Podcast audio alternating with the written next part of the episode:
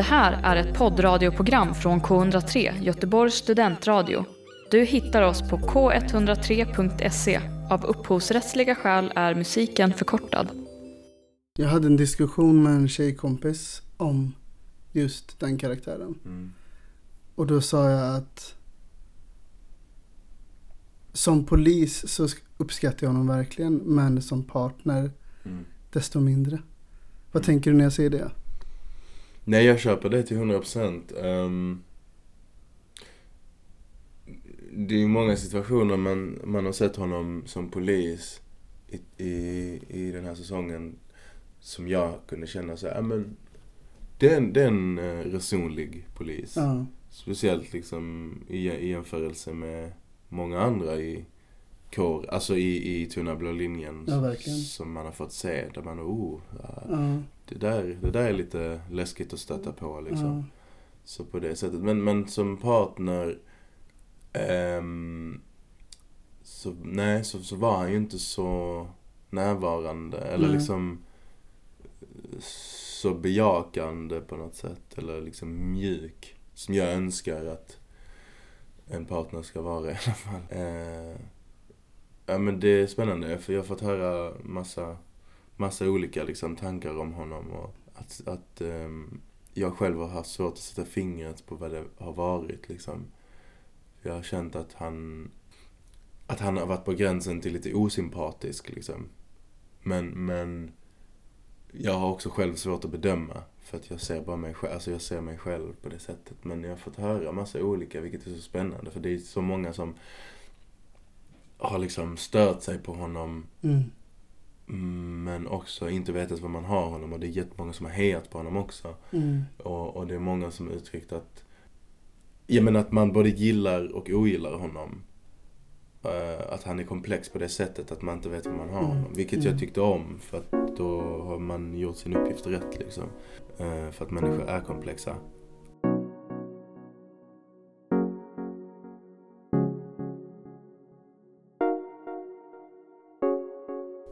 Välkommen till podcasten Äkta känner äkta. En podd om teater och film. Mitt namn är Marcus Standoft och dagens gäst heter Mustafa. Hej! Hej! Du får komma lite närmare. Ja, ja. Hej! Hur mår du? Jag mår bra, jag mår jättebra. Jag är Mm. lite nyvaken sådär bara. Du berättade för mig när vi sågs utanför hotellet här nu innan att du har spelat Playstation. Ja, det stämmer. Jag har precis eh, köpt Playstation 5. Mm. Vilket jag är så jävla glad över. Vänta, är det inte det som är så extremt dyrt? Playstation 5. Det är väl superdyrt den konsolen? Jo, det var, jo, det var helt absurt. Det kostade typ 8000. Det är typ en dator nästan. Jag vet, det var riktigt dyrt. Men ehm, jag, jag satte det i relation till vad det kan ge mig och jag tyckte att det var värt det. Jag har inte, jag har inte ägt en spelkonsol på många, många år. Nej. Så jag var så här, eh, det är fan dags alltså. Mm. Jag har, eh, vad heter det? Jag har ehm, deprived myself av um, spela tv-spel så många år. Och nu känner jag att eh, jag vill komma tillbaka till dem. Alltså mina gamer-rötter på något sätt. För jag tycker att det är så jävla skönt. Vad, vad exakt ger liksom gaming dig? Mm, alltså det är, det är bara det här eh, fokuset och, och liksom spänning, lagom med spänning. Um, där, man, när man faktiskt ändå sitter spänd på soffan. eh, när man liksom kommer till en svår uppgift i alla fall. Men, och så är det bara så jävla kul och avslappnande typ. Eh, och jag vet inte, det, det är som att det tar bort mitt fokus från surret Mm. som jag kan uppleva Stockholm annars kan vara. Eh, eller mitt jobb överlag, eller liksom vardagsstressen. Så att jag tycker att det är så jävla nice att bara komma tillbaka till den. För att jag, man, jag hade mer tid att spela när jag var yngre. Mm. Så det var som att, det var som att jag insåg att eh, någonstans längs vägen i liksom det här oändliga jagandet av karriär och så vidare, att jag Eh, att jag hade typ glömt bort mina hobbys. Okej. det, det var som att jag, det var som att jag nå, någonstans längs vägen bara definierades ehm, u- utifrån min yrkesroll. Och så var det som att jag själv så tappade bort mina hobbys. Jag bara, vad fan, det här, det här är inte bra. Eller det, det här får, eh, får jag ta tag i liksom. Mm. Så, så Playstation var en av de grejerna som jag...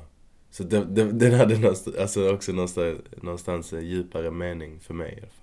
Det jag tänker att det blir som, nästan som en fristad liksom. Mm, En exakt. återhämtningsplats för dig då. Exakt, exakt. Mm. Ja men så är det verkligen. Eh, och jag tycker att det är så jävla nice. För att ibland vill jag bara sitta på soffan i flera timmar och typ inte göra någonting. Eller det blir liksom aktiviteten och försvinna in i det. Jag gillar, jag gillar att dega liksom. Alltså så här. Ja, ah, Mm. jag, lever annars ett ganska aktivt liv. Så. Men där, där kan jag verkligen känna igen mig så här, att jag älskar att träffa människor, hänga med människor, träffa nya människor. Alltså jag uppskattar Mm. det så mycket men där jag samlar energi det är liksom hemma under en filt i soffan Mm, framför en bra film eller serie. mm, Kanske beställer hem någon mat som man tycker om liksom. Mm. Och, du vet, där samlar jag min energi liksom. Så jag kan Mm. ändå köpa det att, eh, mm. ja, ja jag fattar det. Det där, var, det där var min helg. Alltså det du Mm. beskrev var exakt liksom hela min helg. Så jag bara bestämde mig för att säga, jag ska inte göra no- jag ska inte ut någonting eller jag ska Nej. inte... Vilket är så jävla nice. Ja, jag fattar det. Vad har du gjort i veckan annars? Jag har ehm, eh, jobbat, hållit på en del med en eh, cast, alltså gått på casting typ. Tränat massa text och såna grejer. Ehm, ja, och sen typ tränat och eh, köpt Playstationet i veckan. Så liksom gameat ett x antal timmar. det är också nu när det är färskt liksom. Det är som en sån här, eh, när man är så här nykär. Exakt, exakt. Du, all fokus går på det Ja, liksom. found, Ja, I found my baby. Ja, exakt. Så det, så det är typ den alltså. Ja, jag förstår det. Vi ska köra tio snabba. Ja. Eh, och jag vet att du har hört något avsnitt tidigare, Mm, eller hur? Mm. Eh, jag hoppas att några av de här är helt nya för er då. Mm. Vi kör.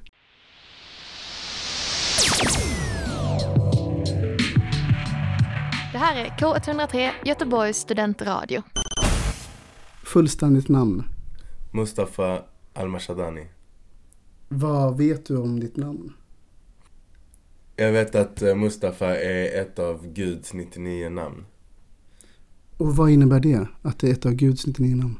Alltså inom Islam så har, eh, har Allah eh, liksom 99 namn. Mm. Alltså man kan benämna honom med 99 namn. Okej. Mm. Ah. Så att Mustafa är ett av dem. Ah. Mm. Känns det fett? Eh, ja, I guess, men, men det är snarare, jag bara tycker om namnet. Ja. Allmänt. Jag tycker det är fint. Mm. Ja, det är det verkligen. Ålder? Eh, 30. Hur känns det för dig att vara 30? Eh, jag älskar det. Jag, jag tycker det är nice. Ja. Ehm, landat så mycket i mig själv typ. Och eh, eh, man är inte lika ängslig. Även Mm. om ångest och ängslighet finns alltid i en typ. Speciellt i ditt yrke tänker jag. Speciellt, speciellt i mitt yrke. Exakt så. Men om, om man tänker så här då. Vad, vad till exempel skulle du kunna göra idag som 30 som du inte kunde göra som 20-åring? Mm. Bra fråga. Alltså det är väl, I guess, att att tacka nej till socialt liv typ. Och Mm. ett, ehm, eh, liksom, tacka nej.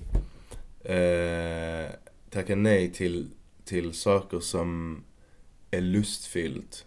Men inte, alltså, långvarigt hållbart på något sätt. Mm. Eller som inte behöver vara hälsosamt för en typ. Eh, jag, jag har, dricker liksom inte alkohol längre på det sättet. Ehm, om, jag, om jag verkligen skulle känna för det så kan jag ta ett glas. Men jag, jag har liksom i princip ta, eliminerat den biten i mitt liv typ. För att jag inte, jag klickar liksom inte med alkohol längre. Nej. Eh, det är en grej som jag hade svårt att göra när jag var 20 liksom. Och det, jag tänker också att det är så intressant för att direkt så var det som att du kände dig tvungen att förklara varför du inte dricker det. Men Mm. det, är också, eller det blir en sån, eftersom det är en sån stor del av människors liv, alkohol just, Mm. så blir det som att ja, men då måste man förklara. Gud ja. Alltså, och det, det är ganska märkligt det där när man tänker efter. Mm. Gud ja, alltså. Ja, det, det är så inkorporerat i den här delen av världen. Ehm, och eh, ja, det, det, det, är som att det alltid är en stor grej. Typ, Mm. Att man inte gör det. Eh, jag ogillar ganska mycket alkoholkulturen om jag ska vara ärlig. Jag tycker att det, det är ganska fucked up alltså. Och jag tycker att ehm, jag tycker att det är en sån eh, Alltså det är så, hur fan ska jag förklara? Just den, den aspekten i samhället är för mig så tydlig i hur lite självkännedom vi har. När man tittar omkring på en så här fredag och lördag när man tar tuben typ eller så här. eh, hur, man, hur, hur man tittar på folk och ser hur de beter sig. Eller bara tittar Mm. på liksom brottsstatistik och sånt. Mm. Eh, så tänker jag mig att det är, att det är så jävla skevt typ. Mm. Lite som att vara nykter på en fest. Ensam nykter på en fest. Ja, det, det där är trippy om något. Det där alltså, ja. Det är jättetrippy. Var gick senaste resan? Vart reste du då? Um, gud, uh, det, vad var det? Jag, jag, jag tror det var Gö, uh, Göteborg, kanske? Mm. Jag tror det var Göteborg. Vad gjorde du där? Um, ja, men det var något jobbsammanhang. Jag tror det var någonting med kortfilmen eh, som vi reste dit för. Uh, gud, mitt minne, jag, jag, jag vet faktiskt inte. Mm. Alltså exakt, om det var Göteborg eller Malmö. Eh, exakt, Okej, med, med kortfilmen liksom? exakt. Ja, all right. Vad heter filmen som du såg senast? Oh. Jag såg jag senast. Gud. Uh, Hur ofta ser du film? alltså jag, har- jag har inte sett film på ett tag alltså. Jag Mm. kollar serier fett mycket. Men berätta om senaste serien du såg då. Uh, ja, men just nu kollar jag om typ Trailer Park Boys femte gången kanske. Aldrig hört talas om. Trailer Park Boys. Nej? Är det sant? Det har jag gjort, ja men det är, alltså det är så jävla kul. Det, Vad, är, vad är det för serie? Ja men den är bara så jävla dum. Eh, det är sån eh, riktigt dum humor som... Ehm, det startade typ i... Alltså några så här grabbar som med en skitig kamera som filmade i en trailer park i Nova Scotia i Kanada. Uh, och sen så bara blev det en enorm kultserie typ som har gjorts, att det har gjorts så här 10, 10, 11 säsonger. Säsonger. Och eh, tre filmer, en animerad film, de har podcast, alltså det har blivit värsta Jaha. så här kultgrejen. Men, men det, det är en komediserie som, eh, som handlar om tre vänner som eh, verkligen, verkligen är skitdumma och står, står i sin egna väg hela tiden.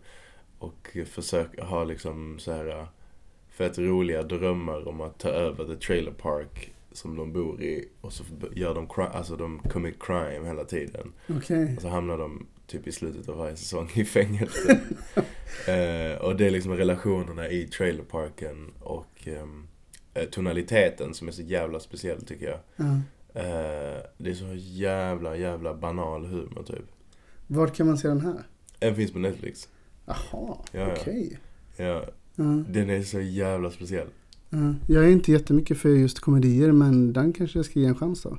Ja men det tycker jag. Ja, men det, eller ja, det ska bli spännande att se. Det, det är väldigt speciell om man inte tycker om komedier så är Nej. det väldigt speciell för att eh, det är liksom dokumentärt filmat. Alltså, Ja, just så det. det ska kännas som att du... Som att vem som helst kan ha gjort serien liksom. Ja, eller men snarare att det, det, liksom konceptet är så tydligt att det är en documentary crew som följer dem. Så att det, det, Ah. de tar in kameramannen ibland när de bråkar och sånt så kan de putta på typ eh, ljudkillen och bara så Get the fuck out of my way! Alltså, Ah. det, det, det är riktigt smutsigt liksom på det sättet.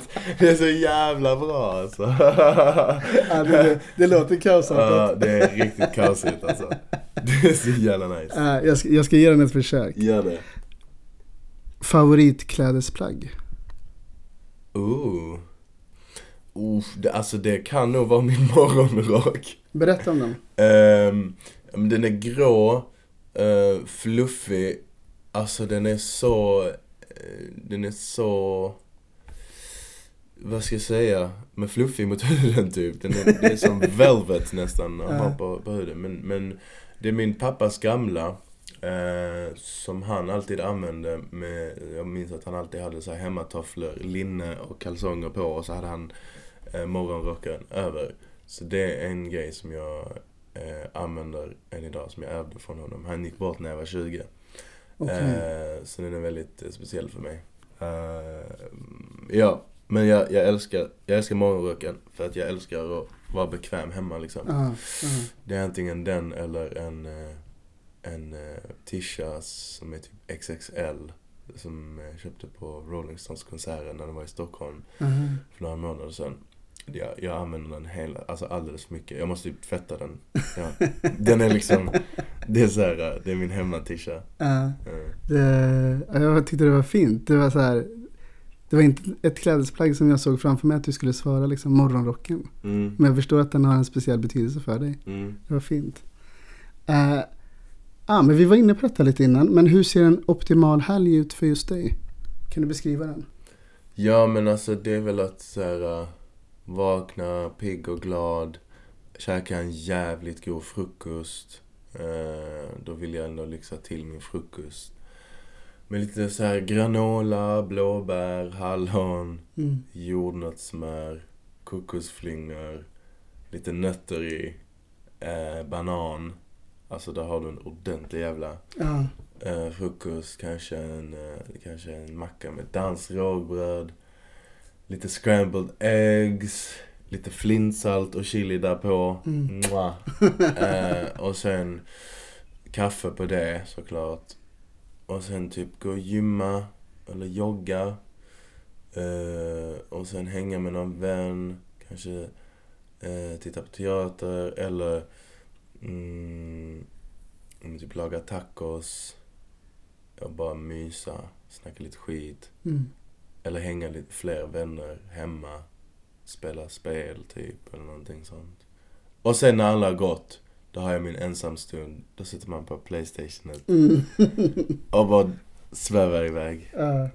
Typ så kan en jävligt bra lördag för mig vara. Mm. Men allt beror på vad man har för mode. Ibland så vill man ju faktiskt bara ut och dansa och känna av den pulsen. Mm. Men ofta så gillar jag liksom mer mysiga häng typ. ja, där är vi väldigt lika faktiskt. Igår var jag på teater. Jag såg Brott och straff på Dramaten. Ja, vad tyckte du?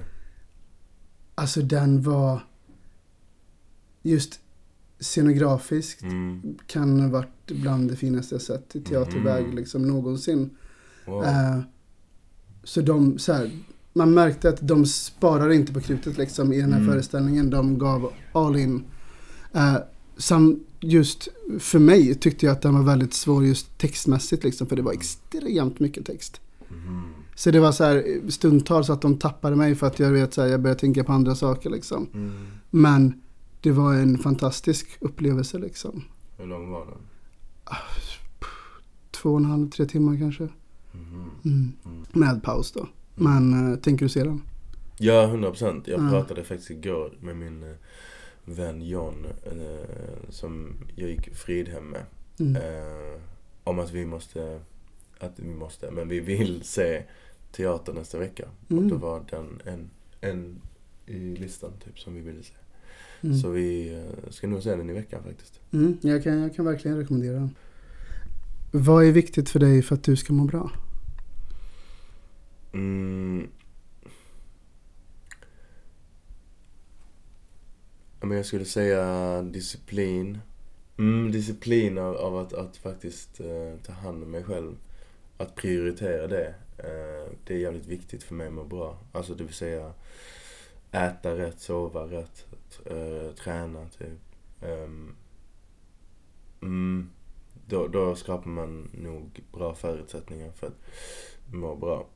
Eh, och liksom eh, vara ärlig med sig själv. Var, lyssna. Alltså, det, det, när jag är det så mår jag mycket bättre. Mm. Alltså, när jag faktiskt gör det jag, det jag känner för. Och inte bara kör på liksom. Utan Ja. att man faktiskt lyssnar. Ja. Inte bara kör på. Eh, och att det, ja exakt, att det kan vara så i detaljnivå också. Att inte, att inte göra saker eller vara i, i situationer som man inte vill vara i. Nej. Alltså... Att, att det är okej om man... Ja, men jag vet inte, att man avslutar en dejt liksom. Eller att man, eh, att man går hem tidigare från ett ställe, en fest eller... Mm. Man är inte skyldig någon sin tid liksom. Om man inte trivs i en konversation, då kan man avsluta den. Det är typ sådana grejer som jag påminner mig själv om. Ja, jag tror det är viktigt faktiskt. Mm. Vilken dröm är ännu inte uppfylld? Oh gud. Um, det är många. Ehm.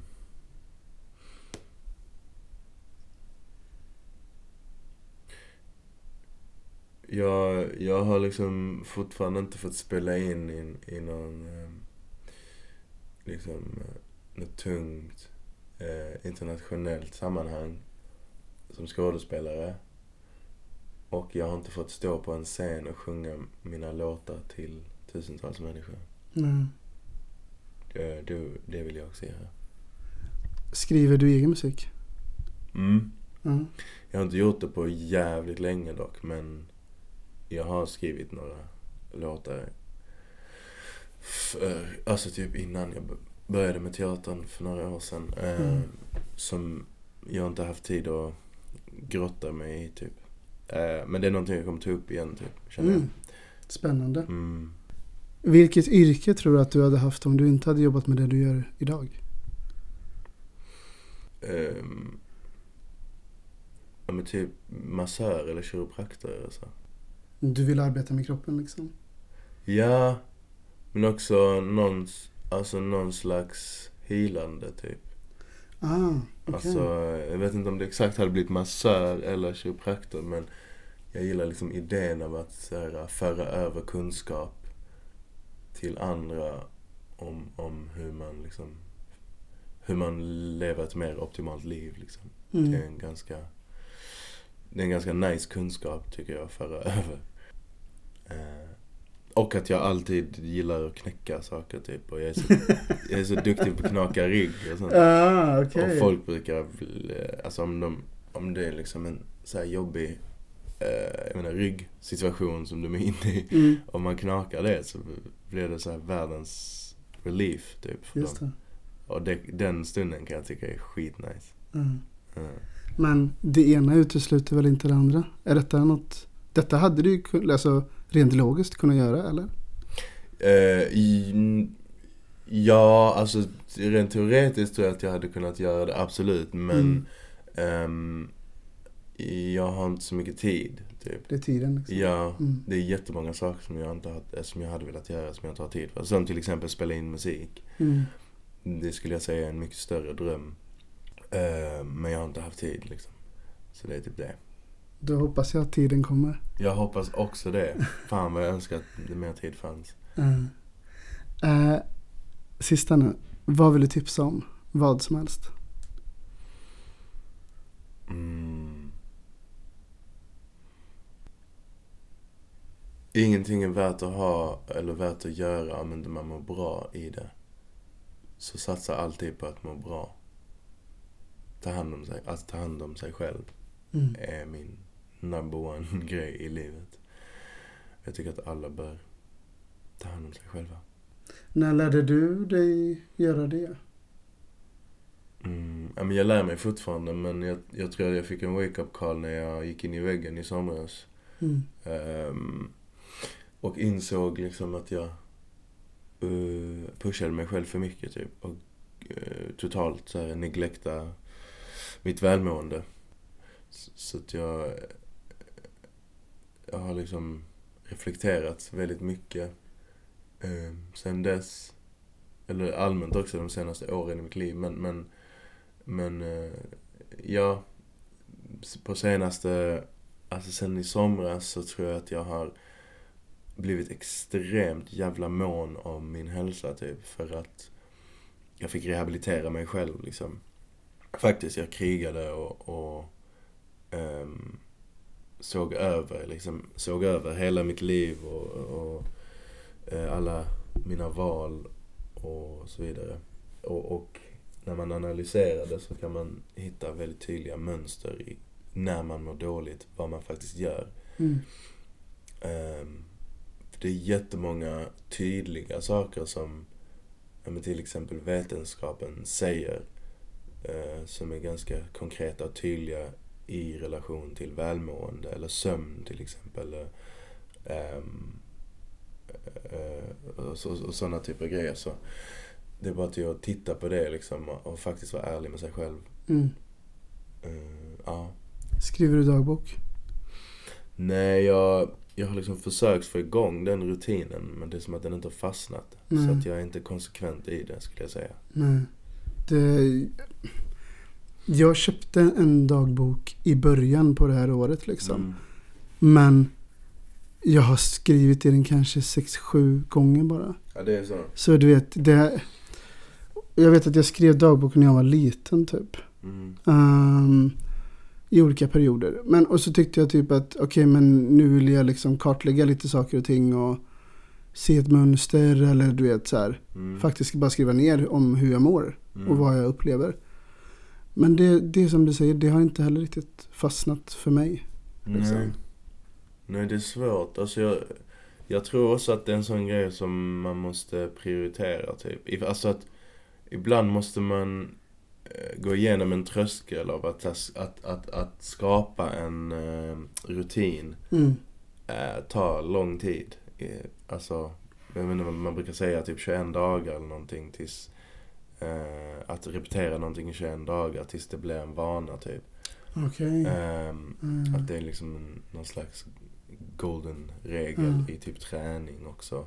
Ehm, så att man måste tvinga sig själv, tror jag, i många anseenden att faktiskt upprepa liksom ett beteende eh, tills att det blir inkorporerat eh, och liksom så här, en del av, av ditt liv. Tills att det blir, ja tills, det, tills att det blir en del av ditt liv helt Mm. enkelt. Tills det blir rutin liksom. Rutin, Ja. att, per automatik.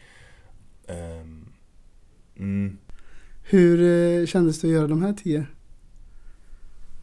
Eh, Det var kul. Jag, jag eh, trodde att de skulle vara mycket snabbare. Det var min fördom faktiskt. Vi, det var kul. Eh, Jag, Jag tycker det är härligt när du drar iväg lite. ja, exakt. Ja, men jag tyckte också det. Det var väldigt tillåtande. Eh, Mm.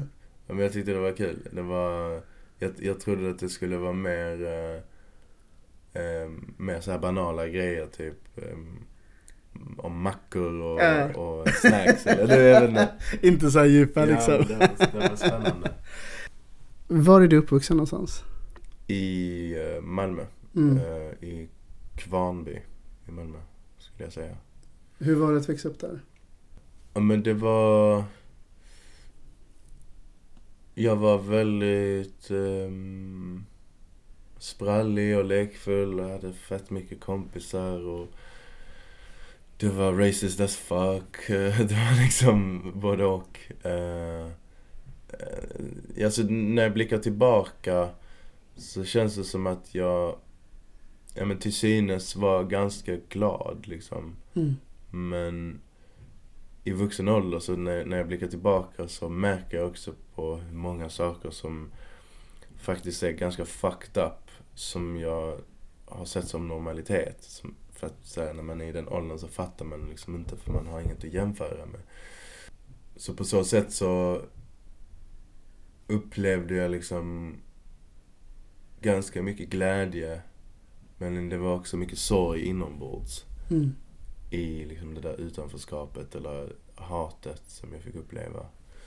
Ehm, så jag skulle ändå säga en, en övergripande grej genom min uppväxt skulle ju i så fall vara liksom identitetskriser och så här, att, att eh, mm, en, en ständig jakt på att eh, försöka hitta mig själv och Mm. navigera i en värld som jag hade svårt att liksom sätta fingret på vad det Mm. var. Hur gammal var du när du flyttade ifrån Malmö? Ja men det var jag... Alltså det var nyligen, vad fan var det? 29? Förra, Mm. förra året liksom. Ja. 28. Men vad tror du det var som... Alltså, eller varför tror du att det tog så många år innan du flyttade till en annan stad? Ja men för att jag inte hade alltså, möjlighet att flytta tidigare liksom. Mm. Jag hade ingen stabilitet eller jobb på det sättet. Och jag pluggade scenskolan i Malmö också. Ja. Eh, så jag flyttade ut, mm, första gången jag flyttade ut var typ på Fridhem. Eh, och då var jag 26. Mm. Och sen eh, efter ett år så kom jag in på scenskolan. Så när jag var 27 så flyttade jag tillbaka för att göra den utbildningen. Och, eh, så jag, jag flyttade eh, efter scenskolan. Annars hade, alltså, annars hade jag flyttat ti- tidigare. Om det inte vore för scenskolan. Nej, jag förstår. Men jag har skrivit så här. Att första gången som jag såg dig i ett konstnärligt sammanhang var ju i Alexander Abdallas kortfilm Jag skiner inte utan er, mina bröder. Ja.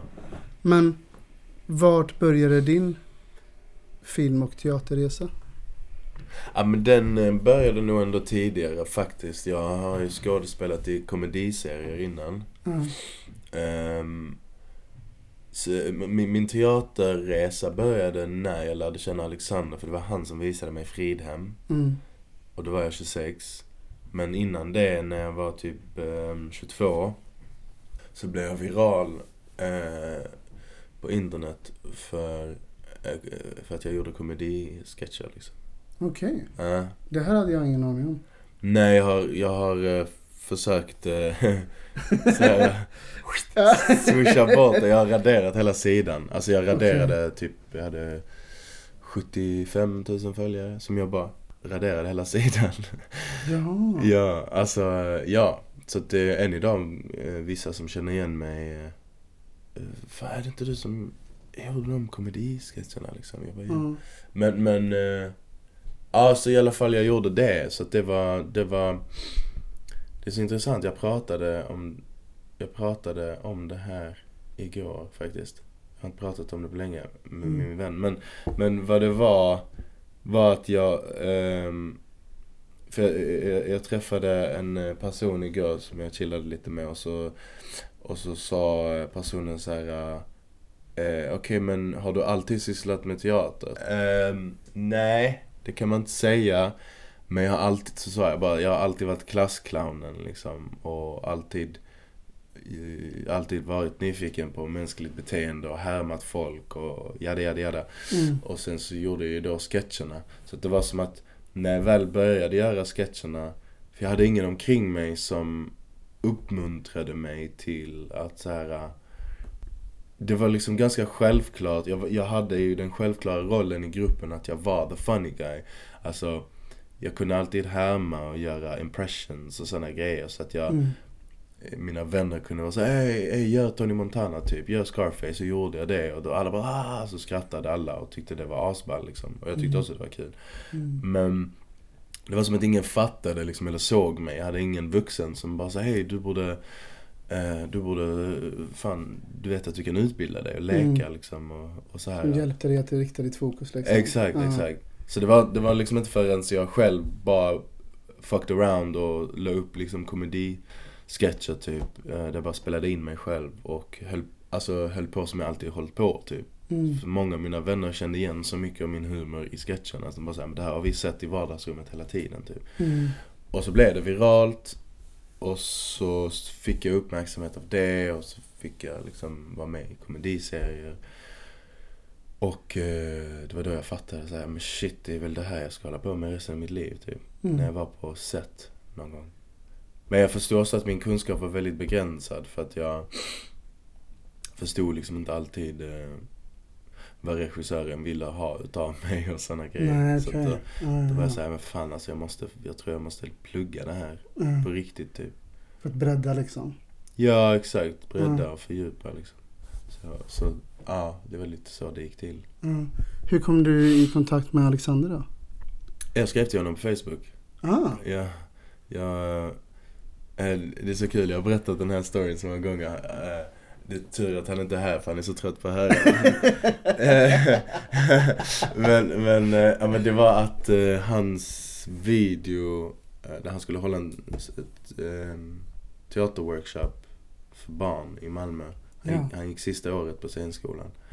Och så poppade hans video upp i mitt flöde, liksom på Facebook. Jag bara såhär, ah, shit vem är den här snubben? Typ en, en blatte som sysslar med teater. Det var liksom nytt för mig. nej. Jag fattade inte att det, det var möjligt.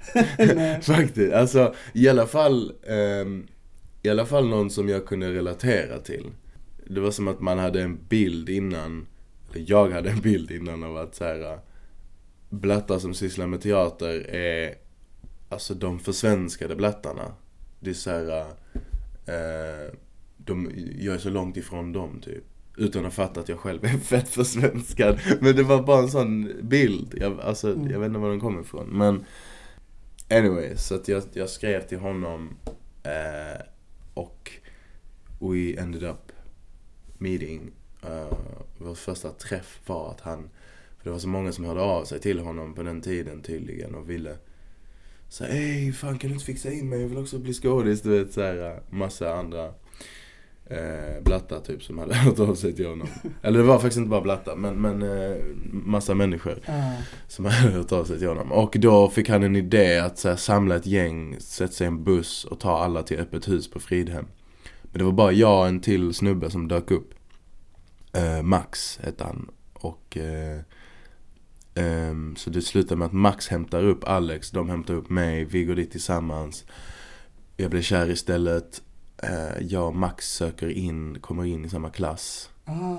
Eh, och jag och Alex blev liksom eh, typ bästa vänner direkt nästan. Och då spelade vi in Jag skiner inte utan är mina bröder. Den sommaren jag fick reda på att jag kom in på Fridhem. Sen kom jag in på Fridhem när jag slu- och sen när jag kom in på scenskolan slutade jag i Fridhem. Exakt då började vi skriva Vi var barn då också. Okej. Mm. Så det var liksom det ena till det andra. Ja. Men det var så jag lärde känna Alexander i alla fall. Eh, Vilken, vilken fin, eh, vilken fin eh, historia. Ja. Men eh, hur, hur upplevde du Fridhem då? För att där bodde du på skolan eller? Mm. Ja, hur var det? Oh. Ja, var ska jag börja alltså? Um, men, men jag, det var liksom jag var, jag var väldigt förtjust istället i, Mm. i, till en början. Ehm, jag, jag ehm, Alltså det var ganska tufft för att det var också den perioden jag för första gången började rannsaka mig själv väldigt mycket och jag hamnade liksom i en konstellation som, som var så ny för mig. Och jag tyckte att det var jobbigt att um, det fanns liksom knappt några blattar där. Det fanns inget blatteperspektiv eller liksom um, um, intersektionalitet över, överlag var liksom inte en grej som fanns där. Det var väldigt mycket så här vit, vit eh, feminism och liksom PK-elit typ som jag var så här eh, jag fattade liksom inte den då. Alltså det är som att jag förstod det i efterhand vad det var. Mm. Mm, och, och, och det tyckte jag var lite jobbigt liksom. Och, och det var som att man var så främmande. Men man, man kunde liksom inte sätta fingret på vad det var. Och jag lärde känna massa nya uttryck som mikroaggressioner och liksom... Eh, jag vet inte, alla de här jävla uttrycken. White savior och det här och det här. Alltså du vet, det var bara massa sådana diskussioner typ. Mm. Eller brist på också typ. Eh, ehm, ja, och så det, det, var, det var liksom märkligt att lära känna sin kropp tycker jag. Mm. Och vem man är i en så pass eh, så pass snäv grupp skulle jag säga. Som, eh, som på något sätt är så självklar i sin plats. Eller liksom rent individuellt så är alla så självklara i, i den platsen, i den kontexten. Men för mig var det så främmande typ. Och att jag faktiskt var 26. Alltså alla, det är liksom folkis. Alla var så jävla mycket yngre. Så att jag var väldigt så här. Äh, jag var väldigt manisk tror jag att jag skulle bli en duktig skådespelare. Liksom så här. Ja, ah, mycket fester och sådana grejer. Så det, det är klart att jag hade askul där också. Men det var en ganska tumultig tid för mig. För det var då jag började terapi också. Mm. Så det var som en våg som bara sköljdes över mig av så här självkännedom, Och nya intryck Nya och intryck. nya perspektiv. Och, nya perspektiv. Exakt. Mm. Eh, Så eh, jag var ganska glad när jag slutade Fridhem, faktiskt. Ja. Jag var lite så här, gud vad jag vill komma härifrån typ. Gick du där ett år eller? Ja, faktiskt. Ehm, Så det, det, jag var jävligt glad för den anledningen också när jag kom in på scenskolan. Att det skulle vara något nytt. Kom du in första gången du sökte scenskolan? Ja. Ja. Mm. Hur var den upplevelsen att söka scenskolan? Ja men den var, ja, men den var så speciell. Jag, jag, eh, jag höll på att gå under. Alltså jag, jag, jag var så manisk på att jag skulle komma in. Jag gjorde liksom inget, alltså jag sov pissdåligt den veckan. I alla fall det sist tredje provet. Första provet, eh, alltså hade, hade jag kul med. Och jag var ganska kaxig. Jag tänkte så här, jag ska komma in. Alltså jag, eh, ja det var min tanke. Jag, jag ska 100% komma in. Eh, jag ska visa dem. Ehm, och jag gav inte så mycket makt till institutionen. För jag var så här, om jag inte kommer in så kommer det inte definiera om jag är en bra eller dålig skådis. Eller om jag är en skådespelare överhuvudtaget. Att jag var så här, jag ska inte ge dem den makten typ. Eh, Så det gav mig en liten så här edge i att inte vara så rädd typ. Mm. Även om man såklart blir pissnervös och hela den grejen. Men jag var lite kaxig tror jag. Och sen tredje provet så sov jag ingenting. Alltså jag bara, jag var... Det var liksom bara text, text, text, text, text, lära text, öva, öva, öva. Och, och sen så bara uff, fallerade jag liksom när jag gjorde klart sista provet. Eller sista, sista dagen kom jag tillbaka till Fridhem. Oh my god vad jag var trött veckan Mm. efter alltså. Mm. Jag gav det mitt allt.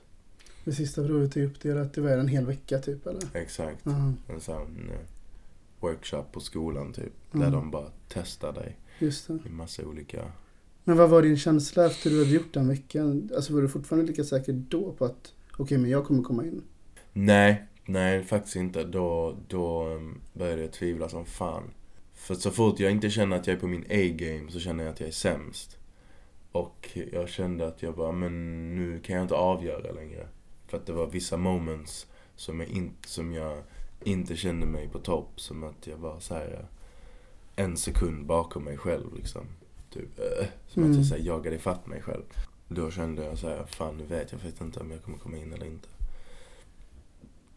Ehm, Men det gjorde du. men, jag, men jag gjorde det. ja. Du lyssnar just nu på en radiostation som är del av SRS, studentradion i Sverige. Tunna blå linjen ska vi prata om nu. Ja. Mm. Eh, du spelar en av de nya poliserna, Khalid. Mm. Vad var din första tanke när du fick förfrågan om att provfilma för den rollen? Mm. Min första tanke var, men vad fan är inte det här Tunna blå linjen? alltså, de var ju hemlighetsfulla ju. Uh, Alltså de, eh, de fick inte säga vad det gällde mm. när jag sökte. För att jag tror inte de hade fått, eh, de hade inte fått 100% grönt än från SVT om att det skulle bli en andra säsong. Mm. Men de lurkade redan med castingen och sådana grejer. Eh, Så de var hemlighetsfulla men, men jag, fick en jag fick en kort beskrivning av vad serien handlar om. Och att den utspelar sig i Malmö. Och så fick jag karaktärsbeskrivningen. Så jag bara, va? Jag bara, inte det här Tunna Blå- eller va? Vem, vem, annars, vem annars skulle göra en tv-serie nu? Alltså det är såhär, Mm. Tunna blå linjen säsong 1 släpptes för, för några månader sedan liksom. eller, eh, men, men, men det var min första tanke. Och då, då var jag jag var så här shit alltså om det är det så är det så jävla fucking ball att jag får casta för. För jag gick i Mm. ettan på scenskolan då. Så att, nej jag, jag, tyck, jag var exalterad. Vad, fick du göra en self-tape eller fick du åka till kontoret liksom? Nej, jag fick göra två self-tapes först. Innan jag fick åka till kontoret. Men när du kom till kontoret då sa de väl att det är tunna blå linjen? Ja, gud ja. Ja. Gud ja, ja. Ja, ja, ja, gud De ja. ledde inte in det med så här ögonbindel? Nej, liksom. nej. Nej. Nej, någonstans. eh, Jag fick ju spela mot eh, Amanda också. Ja, okej. Amanda Jansson. Så Ja. att då, då hade jag förstått att det... det, Det hade varit helt eh, det hade varit helt galet absurt annars. Ja. Bara, fan vad, varför, ja, precis. varför djur, eller så här, varför tar vi liksom inte på elefanten i rummet? Ja. Eh, hur skulle du beskriva Khalid? Bra fråga. Men Khalid, jag skulle beskriva honom som en... Eh, som en person som eh, försöker göra gott och rätt för sig hela tiden. Eh, men också som dealar också med sina eh, personliga desires i livet liksom. Mm. Som, som har jättemycket med framgång och karriär att göra. Um, och han är, han är en väldigt så här, uträknande människa, gillar att ha liksom en plan framför sig, uh, gillar att ha kontroll över situationer han befinner sig i. Och uh, uh, ja, men, ja men jag skulle säga det, han gillar att ha kontroll. och, och gillar liksom att äga varje situation han går in i liksom. Mm. Det är typ en, min bild av honom. Jag hade en diskussion med en tjejkompis om just den karaktären. Mm. Och då sa jag att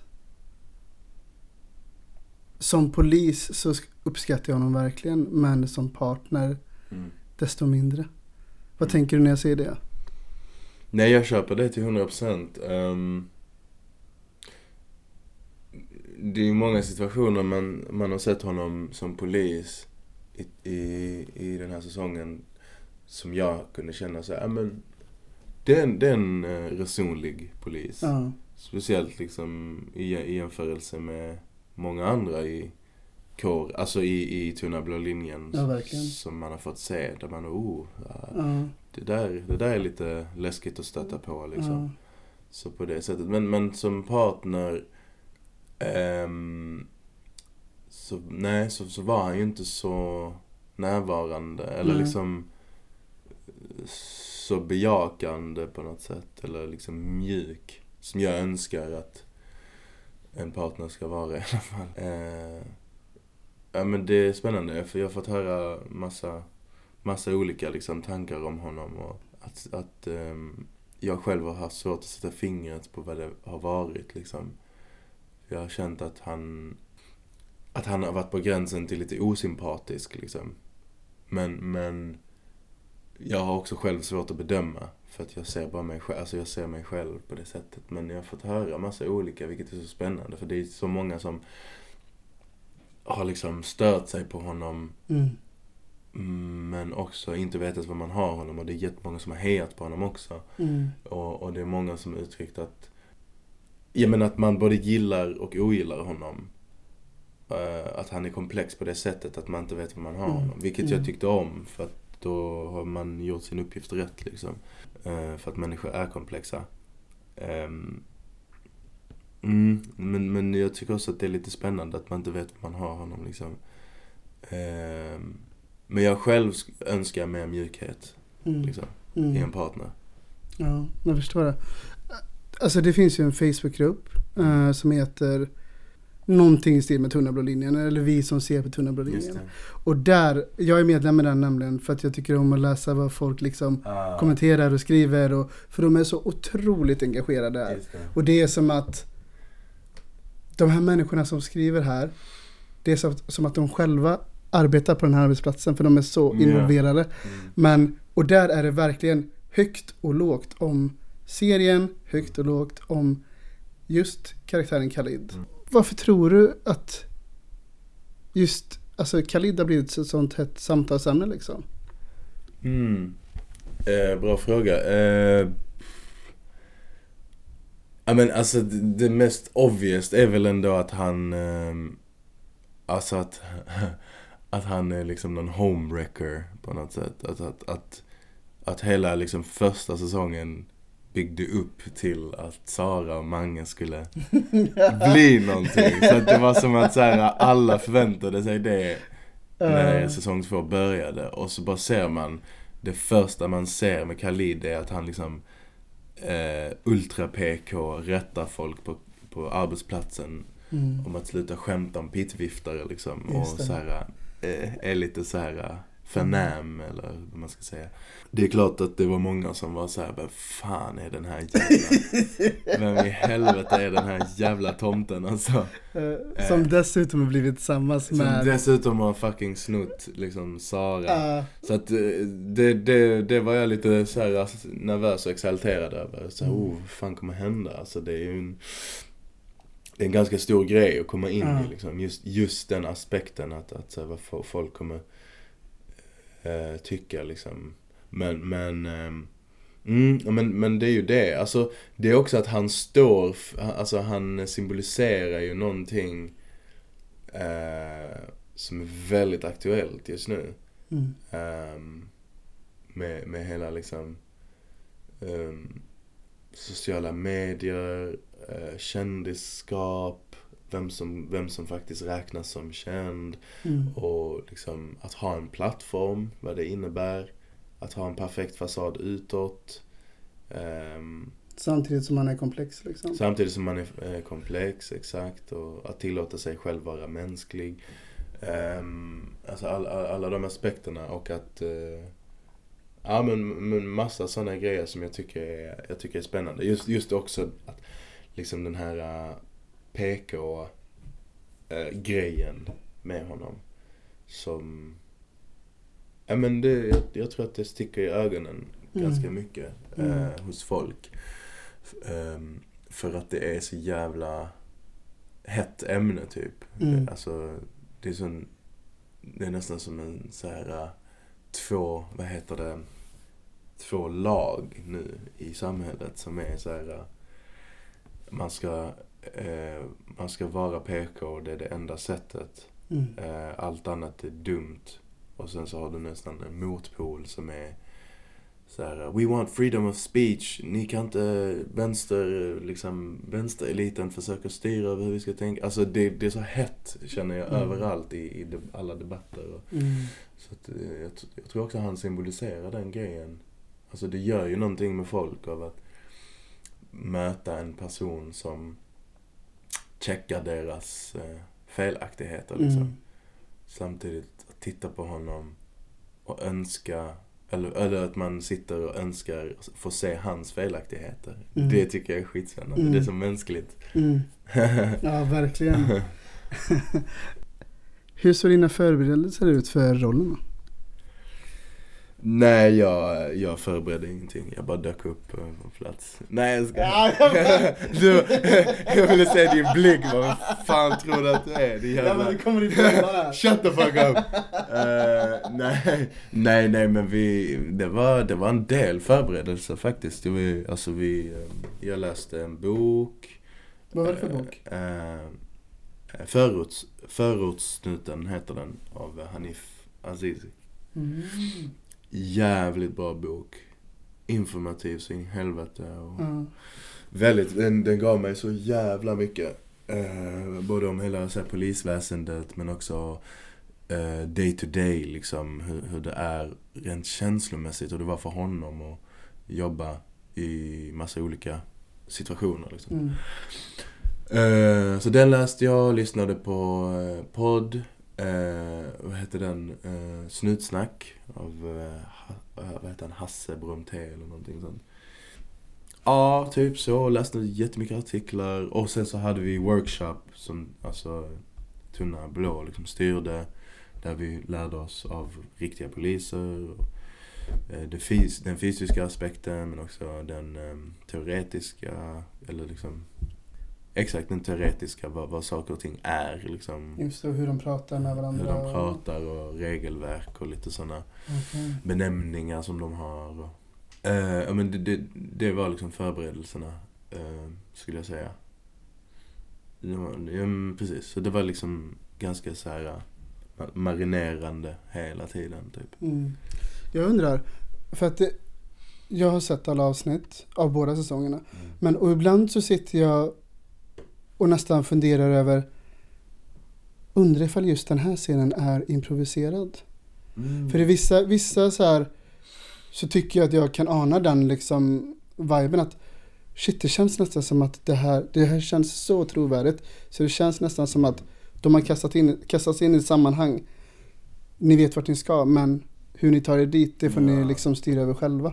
Alltså, improviserar ni någonting? Alltså gud, det där är typ den finaste komplimangen. Alltså, tycker jag. Alltså att, att, att när man... Alltså att, att titta på någonting och känna att det är liksom beyond skådespeleri. Att det Mm. bara är så improviserat eh, och det är en riktig situation. Det tycker jag är skitfint. Att eh, man kan känna. Men, men eh, nej, jag skulle säga att det är fucking briljant manusförfattande. Mm.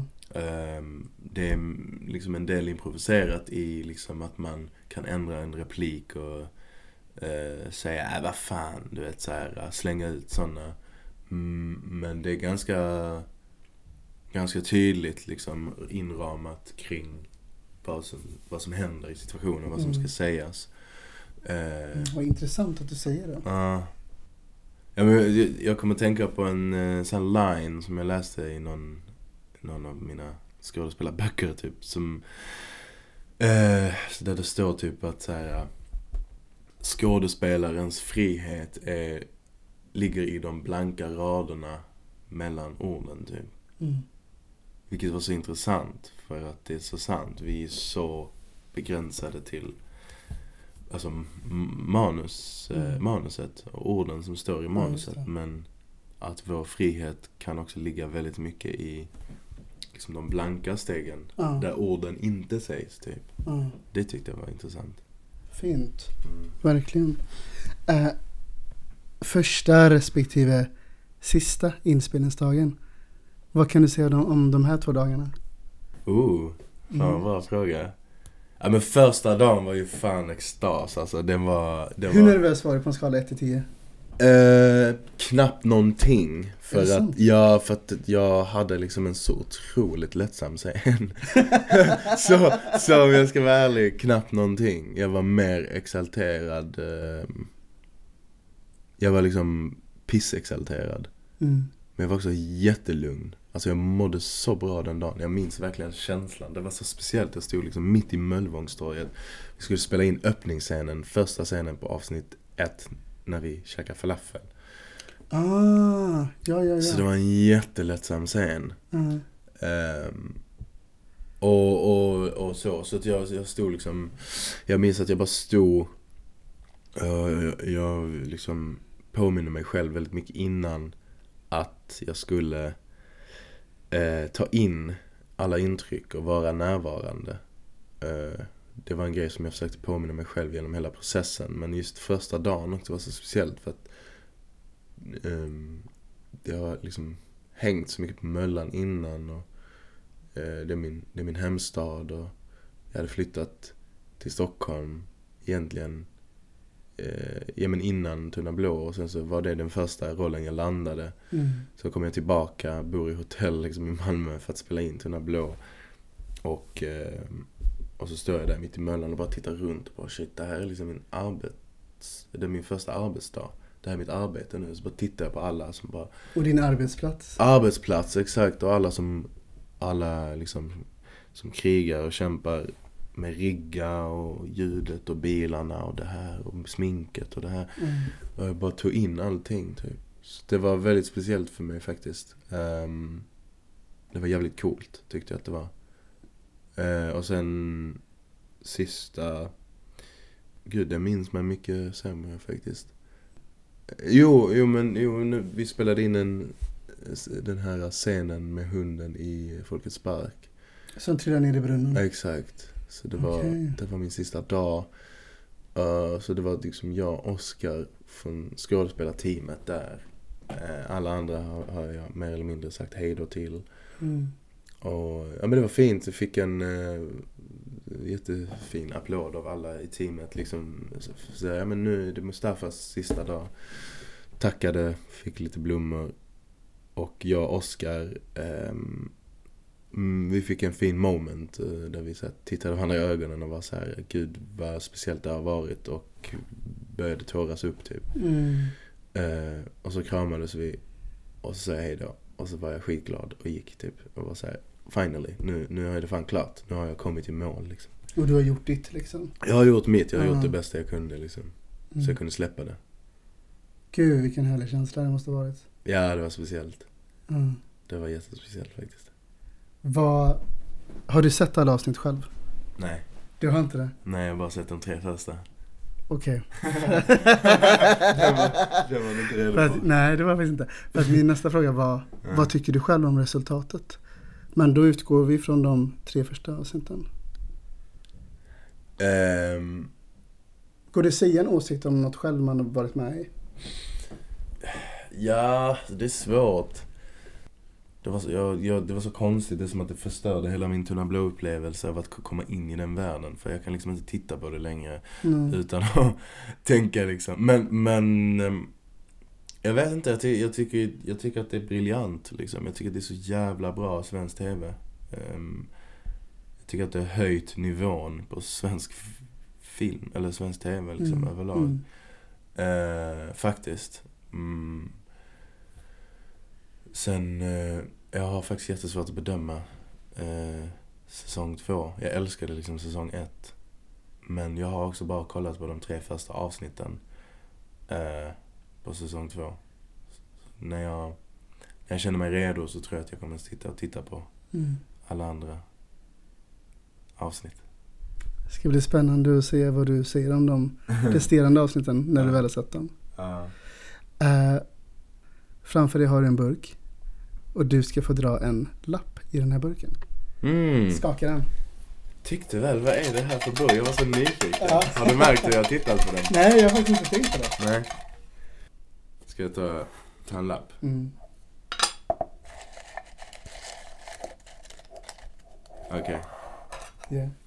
Snälla säg att det här är en vinst på 100 miljoner. Ja, precis. Det hade underlättat så mycket. Okej. Ska jag läsa? Ja. Friluftsliv. Okej. Vad tänker du på? Vad, vad var din första tanke när du läste det ordet? Att... Eh, att det här är mitt ideal. Alltså Mhm. det här är liksom... Eh, vad jag älskar jättemycket men också inte lägger tillräckligt mycket tid på. Ah. Så, så det är liksom... Eh, det är så här... eh, Jag tänkte att ja, men mina, mina 30s nu så ska jag börja undersöka, undersöka den sidan av mig själv. Friluftsliv. Jag älskar skog, jag älskar berg. Eh, jag älskar sjöar. Alltså så här Mm. natur. Jag älskar natur. Så att jag, det var kul att Ah, få den lappen. gud vad fint att du fick just den. Okej, men... Ska vi se hur jag ska formulera min fråga.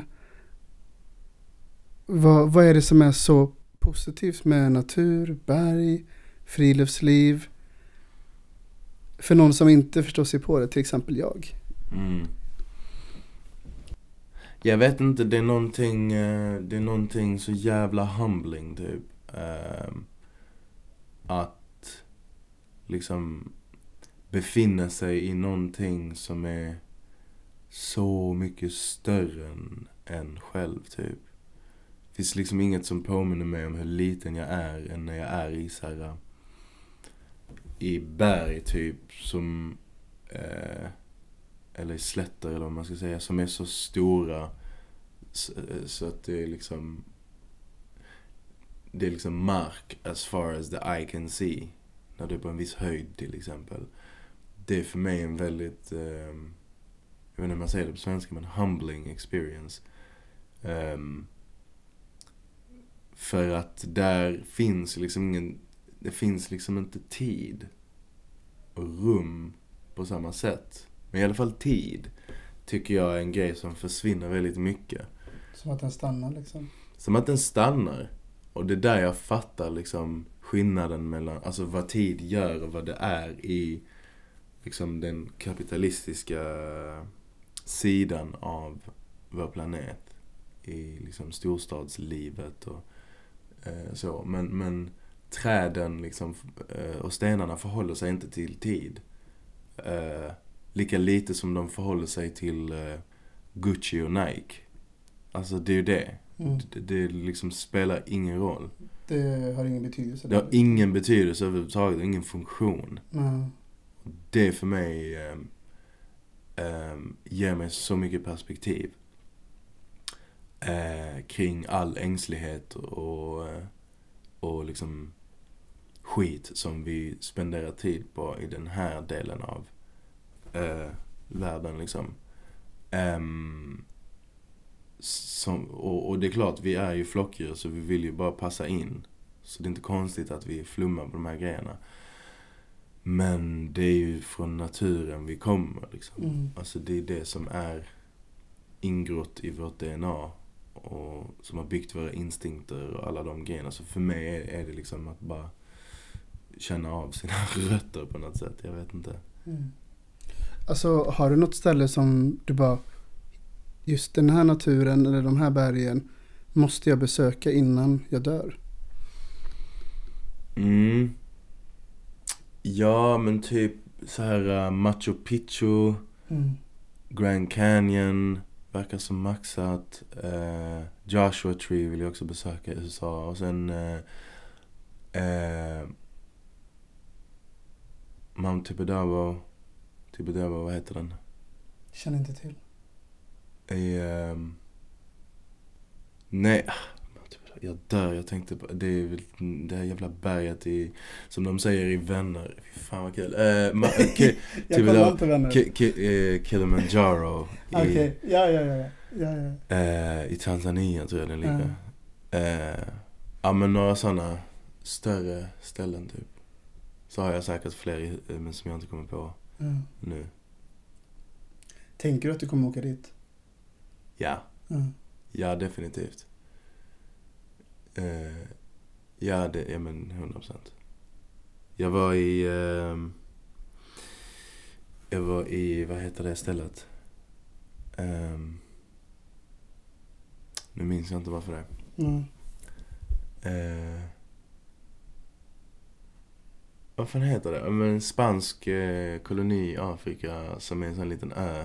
Som folk... eh, Alltså jag, jag, är så, jag är lärare men jag är ingen geografilärare.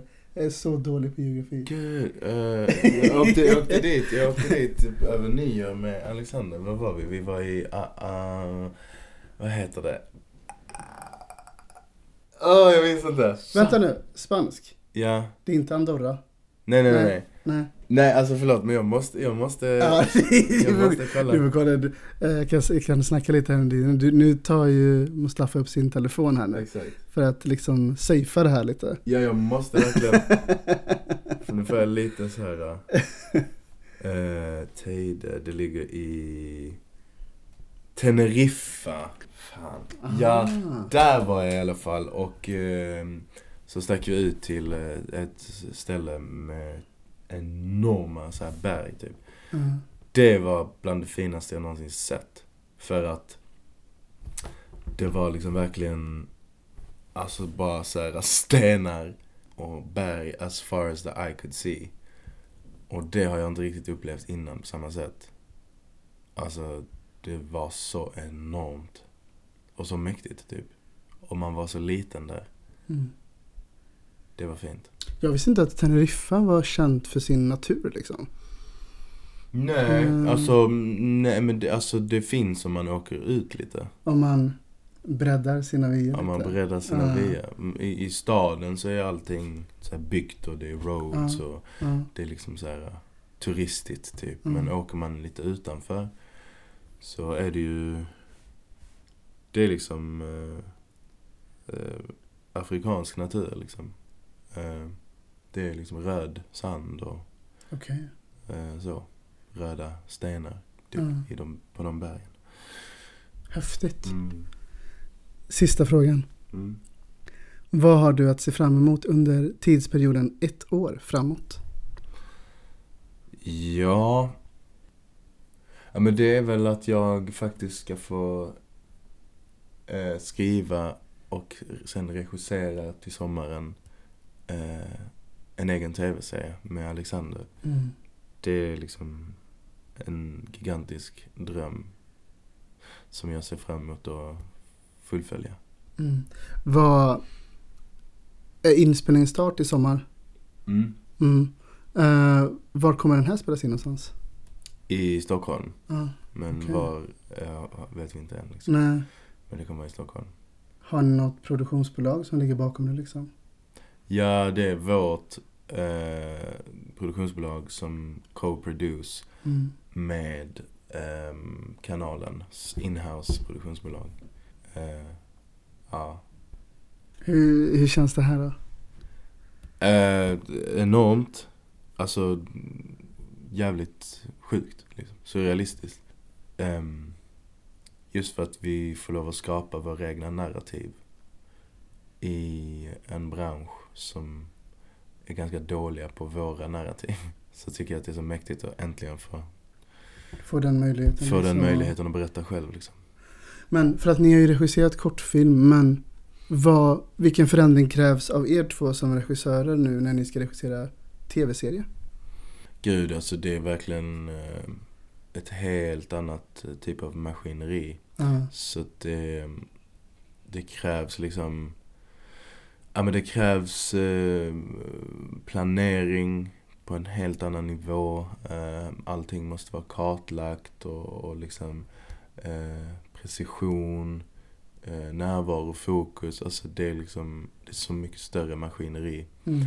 Ehm, så det, det krävs också liksom, ja men A-game. Mer, mer fokus, mer kunskap. Ehm, och, och liksom ett större team som vi kommer ha nu också. Så, så och, och just det, och just det att, att en regissör är också only as good as sina liksom, medarbetare. Eh, så det krävs också ett gediget fucking team. Mm. Faktiskt. Eh, har jag också insett att man kan liksom inte ha en viktig, eh, viktig piece in the puzzle eh, som fallerar i arbetet, i processen. För då kommer allting annat fallera. För vi är Mm. så beroende av varandra. Det är en sån kedjereaktion. Mm. Det är sånt kollektivt arbete Ja, liksom. exakt. Det är sånt jävla kollektivt arbete. Så Mm. jag skulle säga att, att det är liksom den största grejen. Att vi, vi kommer välja väldigt varsamt, alla som vi jobbar med. För att vi kräver väldigt mycket av oss själva Mm. och av andra. Så vi behöver att alla liksom lägger eh, 100% i det. Typ. Mm. En extra växel liksom. En extra växel. Ja. Exakt. Jag håller verkligen alla tummar och tår för er två. Tack snälla. Vart kommer man kunna se den här tv-serien sen då? Eh, Får du säga det? Jag vet inte om, nej, jag vet inte om jag får säga det. Jo, um, via Okej. Äh, jag slänger den. Ja, grattis. Tack så mycket. Eh, det får den faktiskt. Uh, uh, fan vad kul. Ja, Shit så- vad glad, glad jag är för er skull. Superspännande. Det, ja, det förstår jag verkligen. Mm. Och med de orden så säger jag att du har lyssnat på ett avsnitt av Äkta känner äkta med mig Mark Standoft och Mustafa Al-Mashadani. du, tack för den här stunden. Tack själv, Jag mår så bra. Jag också. Det har varit en sån fin pratstund. Det har verkligen varit det. Det, men det är lite så här som, som jag sa innan, så här, jag tycker om att träffa nya människor. Men ibland efteråt så kan man känna sig helt liksom slutkörd. Mm. Här känner jag, i alla fall från mitt håll, att Mm. här har jag fyllt på min energi. Wow, jag också. Så att, Fan vad fint. Jag blir Det- jätteglad att du säger det. du, har, ja, det, du har en fin utstrålning liksom. Detsamma. Ja.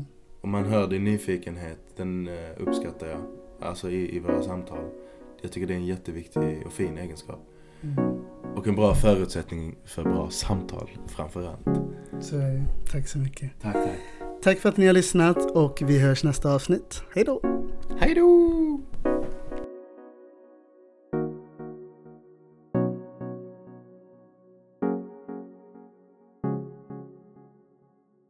Du har hört en poddradioversion av ett program från K103.